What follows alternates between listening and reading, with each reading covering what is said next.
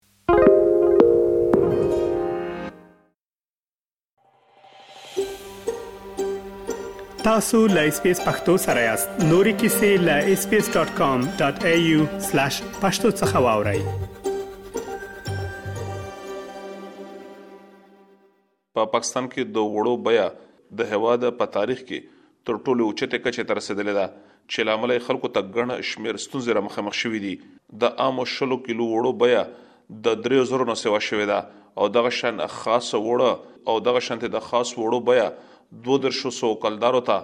رسېدلې ده، خو د دولت د لورې د ځنې ګامونو نه وروسته په دغه بیه کې د دوو نه تر دریو سوو کلدارو پورې بیه را ټیټه شوې ده، خو بل لورې ته اوس هم خلک دغه شکایتونه لري چې اوس هم د اوړو بیه ډېره جګه ده چې له امله یې دوی په اخیستو کې د ستونزو سره مخامخ دي که څه هم پاکستان د کروندې په لحاظ باندې د نړې په هغه هېوادونو کې شمار دی چې په ګڼ شمېر کې غلې دانې پېدا کوي خو اوس ولې د اوړو دغه ستونزه یا مشکل را پېدا شو که څه هم په تېره موده کې په هېواد کې دغه شانتې یو شمېر ستونزې او مشکلاتونه راغلي دي خو بیه یې دومره نه ده جیکه شوې دا او دغه شانتې نورې پوښتنې مو د اوړو د میل د مالک او دغه شانتې په هېواد کې د خوراکي توکو په بیه نظر ساتونکي د حسېن افريدي سره مرکه کړې ده او په پيل کې مو له دوی څخه وپوښتل چې د اوړو د کمي او دغه شانته د دې د بيو د جګېدو اساسي علتونه څه دي؟ اسلام ګله وروره دا اوس چې په پاکستان کې د غنمو د کمی کومه وجه خود ویلی کیږي یو خو دا وه چې د غنمو ډیر ښه پیداوار ایکسپیکټیشن ډیر ښه خو دا لږ وخت مخکې چې سیلوبونه روغلې دغو سیلوبونو سره د موږ زیات غنم په پنجاب کې په سند کې پیدویږي او د یغ نه ټول ملک له بیا سپلای کیږي خصوصا د سند خو دومره غنم وي چې هغه خپل ضرورت په پوره کې د پنجاب نه به دغه نور ملک له سپلای کیږي نو هغه په پنجاب کې غنم ډیر کم وشول د سیلوبونو د وجه نه هغه ډیر زیات ضایع شول د هغې د وجې نه د موږ سره د پنج د غنمو چې کم پیداوار وو هغه د موږ سره کم شولو او د دویمه خبره پکې دا و چې کم ټاک سوتلای شوی وو د ملک د پورا مختلفو محکمو سوتلای وو دلته په خیبر پښتونخوا کې یا په پنجاب کې یا په کې نو هغه سٹاک باندې چې بارونونه په وشول د غیسرا د ګدومونو لوبنه نه وتلې او دا ګدومونه ولا اوبه چې دي دا د لوند دا چې کوم غنم پرته و چې کوم ځای پیر دا اوبه ور ورسېدل نو هغه اوبه د غنم روخ کړي نو دا نو خراب شول په دا اوبو کې ډېر وخت دا اوبه لوړې وې نو هغه ډېر غټ تاوان وشول د هغه نه علاوه د مونږ سره د مونږ ګاونډي ملک چې دی افغانستان د پاکستان د هغه هم بس دغه ضرورت پوره کوي د حکومت د ریاست پالیسي داسې ده چی ولته چی کوم اوس موجوده حکومت دی غوله غنم هم ورکوي او اوړم ورکوي او باقاعده پرمټونه می شو کیږي نو دلته د موږ خپل ضرورت نه پوره کیږي او دو بهر هم ورکوي نو دغه وجه نه لګونه کې د غنمو کمای دی خو دا نااهله کرپټ حکمرانان دي دغو په وخت باندې چې کله سیلابونو د غنم وال او خروپی کړو کم کم شول په کور چې دغو د بهر نه د غنمو غم کړی وای چې دا اوس کم صورتحال جوړ دی چې دا صورتحال به نه جوړېدلی بهر نه به غنم راغلی وای نو چې کم کمای وو او په وخت پوره شوی وای دو اوس د منډې ترډې جوړ کړ چې کله خلک عوام چې دی بهر راووتل و شاټیج شولو حسین افریدی صاحب که دا راته ووایی چی د خیبر پښتونخوا او د قبایلی سیمو د کاله په سر باندی د غنمو څومره ضرورت دی او دا دوی له کومه خوا پوره کوی. خیبر پښتونخوا له تقریبا پچپن لاک ټن غنمو ضرورت دی د قبایلی علاقو سره چی دا کومی قبایلی علاقی وی دغو سره نو دا پچپن لاک ټن دا تقریبا څه باون ترپن لاک ټن دی خو څلور پنځه لاک ټنه د صوبایي حکومت زیوته خریدوري کوي په دا کې د موږ سره د پنجوب حکومت ډیر زیوته کوي هغه په دغه طریقه موږ سره کوي چې یو خو کله دا لکه اوس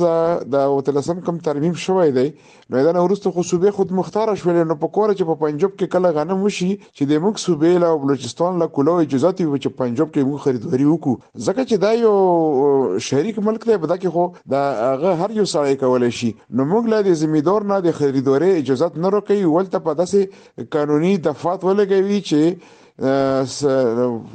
سیکشن 44 وي ته یې هغه ولګوي نور داسې دفعه ولګوي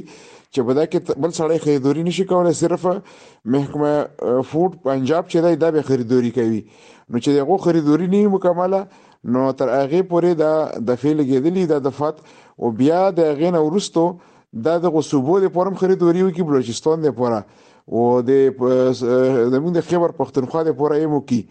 نو موږ نه خو پیمنټ وخلی پیسې رو نه وخلی د حکومت نه د صوبې نه خو بیا موږ لا دا غنم نه روکوي موږ لا په دا کې ټوټل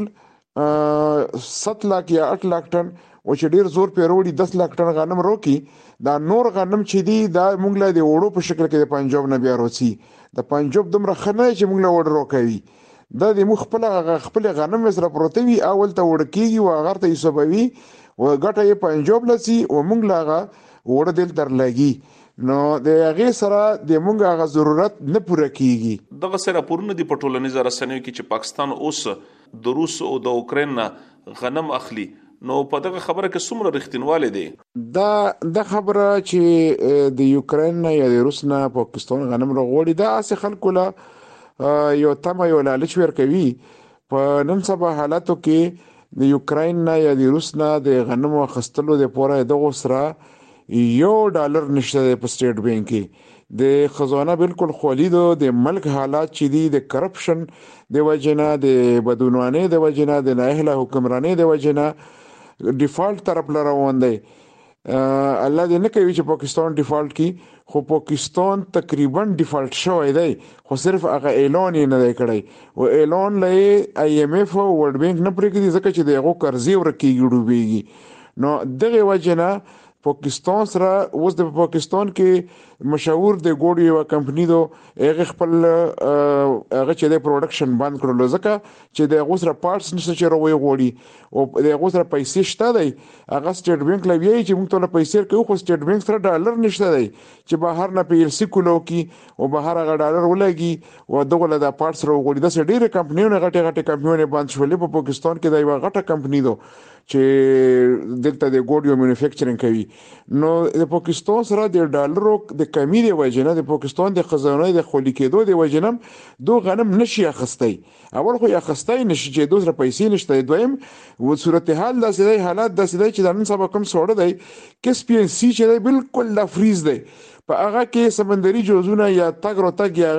دا په کمال یار باندې دا غنم روډ ټول په رشیا کې په دغه کې چې څومره ملکونه دی ولته وور شوی دی دغه سره خو د موږ د روډ ټریډ نشته دی چې په بای روډ دغه سره موږ ټریډ وي په منځ کې افغانستان ورسي نو افغانستان کې حالت ګډوډ دي دغه شونته دی په کمال یار باندې موږ له غنم رو کوي په دغه وځو کې خو روس نه امپورټ کول یا کول دا خو د سره د منلو خبره ده حسین افریدی صیب خیبر پښتونخوا او بلوچستان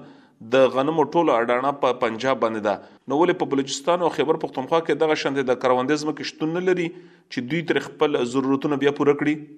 دا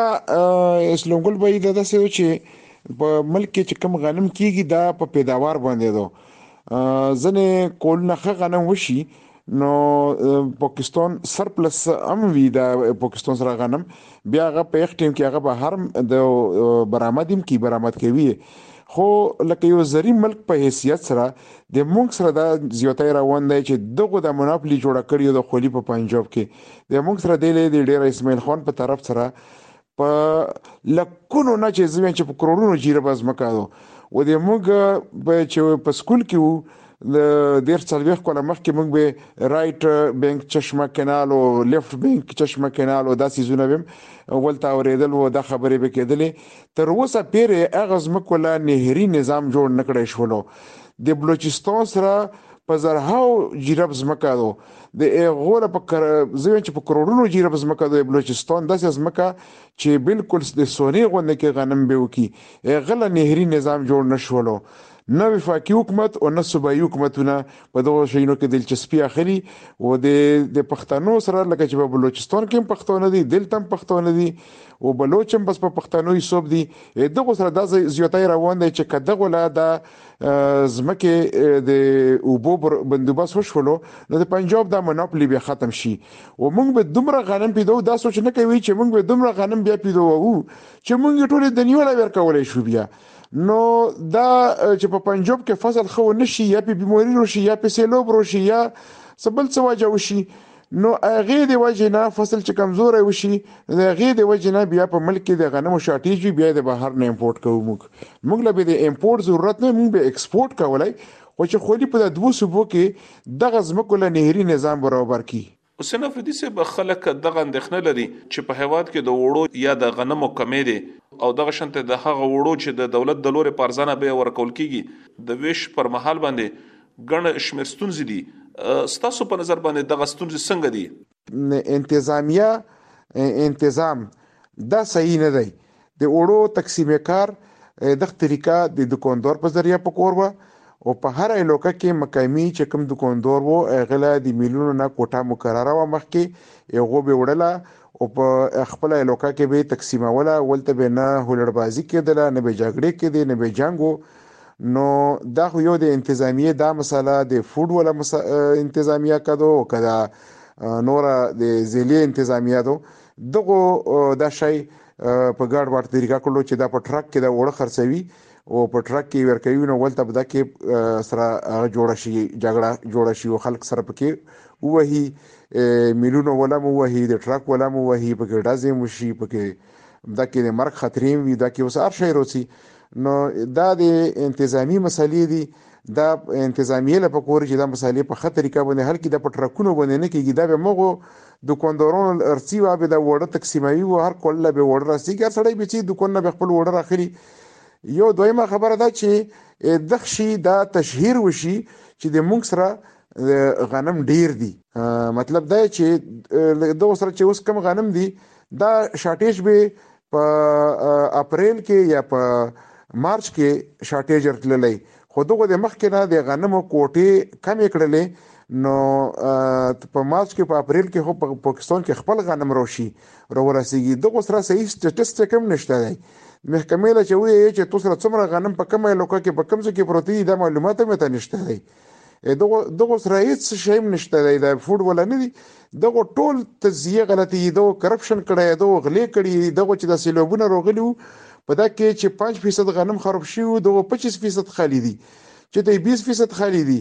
نو هغه بقایا غنم دغو پټ کړي دي، خرڅ کړي دي، یا تللي دي، بهر ملکونو له تللي دي، یا هغه دلته خرڅ شوي دي، هغه د میلونو ولا باندې خرڅ کړي دي، په زور یې پرې خرڅوي، په غله یې پرې خرڅوي، په هره طریقه پرې کوي. نو دا د غنمو په شکل کې هم سمګل شوي دي افغانستان له، د اوړو په شکل کې هم سمګل شوي دي، دا د پنجوب نام کې شوي دي دا په پنجوب کې هم د سیلوبونو د وجې نه داسې شوي دي په صوبه خیبر پښتونخوا کې هم شوي دي او په نورو ځایونو کې چې کوم سیلوبونه راغلي محکمه دلته د کرپشن بس اخو مونږ لا پته و چې مونږ اوس په 226 نمبر یو که په 126 نمبر یو خو د کرپشن غټه وجه د دغو غنمو د کمیدو اویدغو غنمو د شاټیج اویدغو خلکو لا د اوړو نه رسیدو دا د کرپشن غټه بنیودی وجه یې دغه کرپشن دی چې په غنمو کې په غټه پیمانه باندې غلا شوی او دا او په خیبر پښتونخوا کې د اوړو د میل مالک حسین افریدی چې د اس بي اس راډیو سره په هیواد کې د اوړو د کمی او د هغې د بیو د جګیدو په اړه باندې خبرې کولې په هېواد کې د اوړو بیه په داسې حال کې ډېره جګه شوې ده چې د وړاندې نه یو شمېر اقتصادي ستونزې ډېرې شوې دي او پاکستان غواړي چې د بېلابېلو هېوادونو نه قرضې ترلاسه کړي او دغه شان د دغه مشکل څخه ووځي خو لا تر اوسه په دې کې بریالی شوی نه دی او د وارداتو په برخه کې هم ډېر مشکلتونه دي چې له امله یې لویې فابریکې په هېواد کې تړلې شوې دي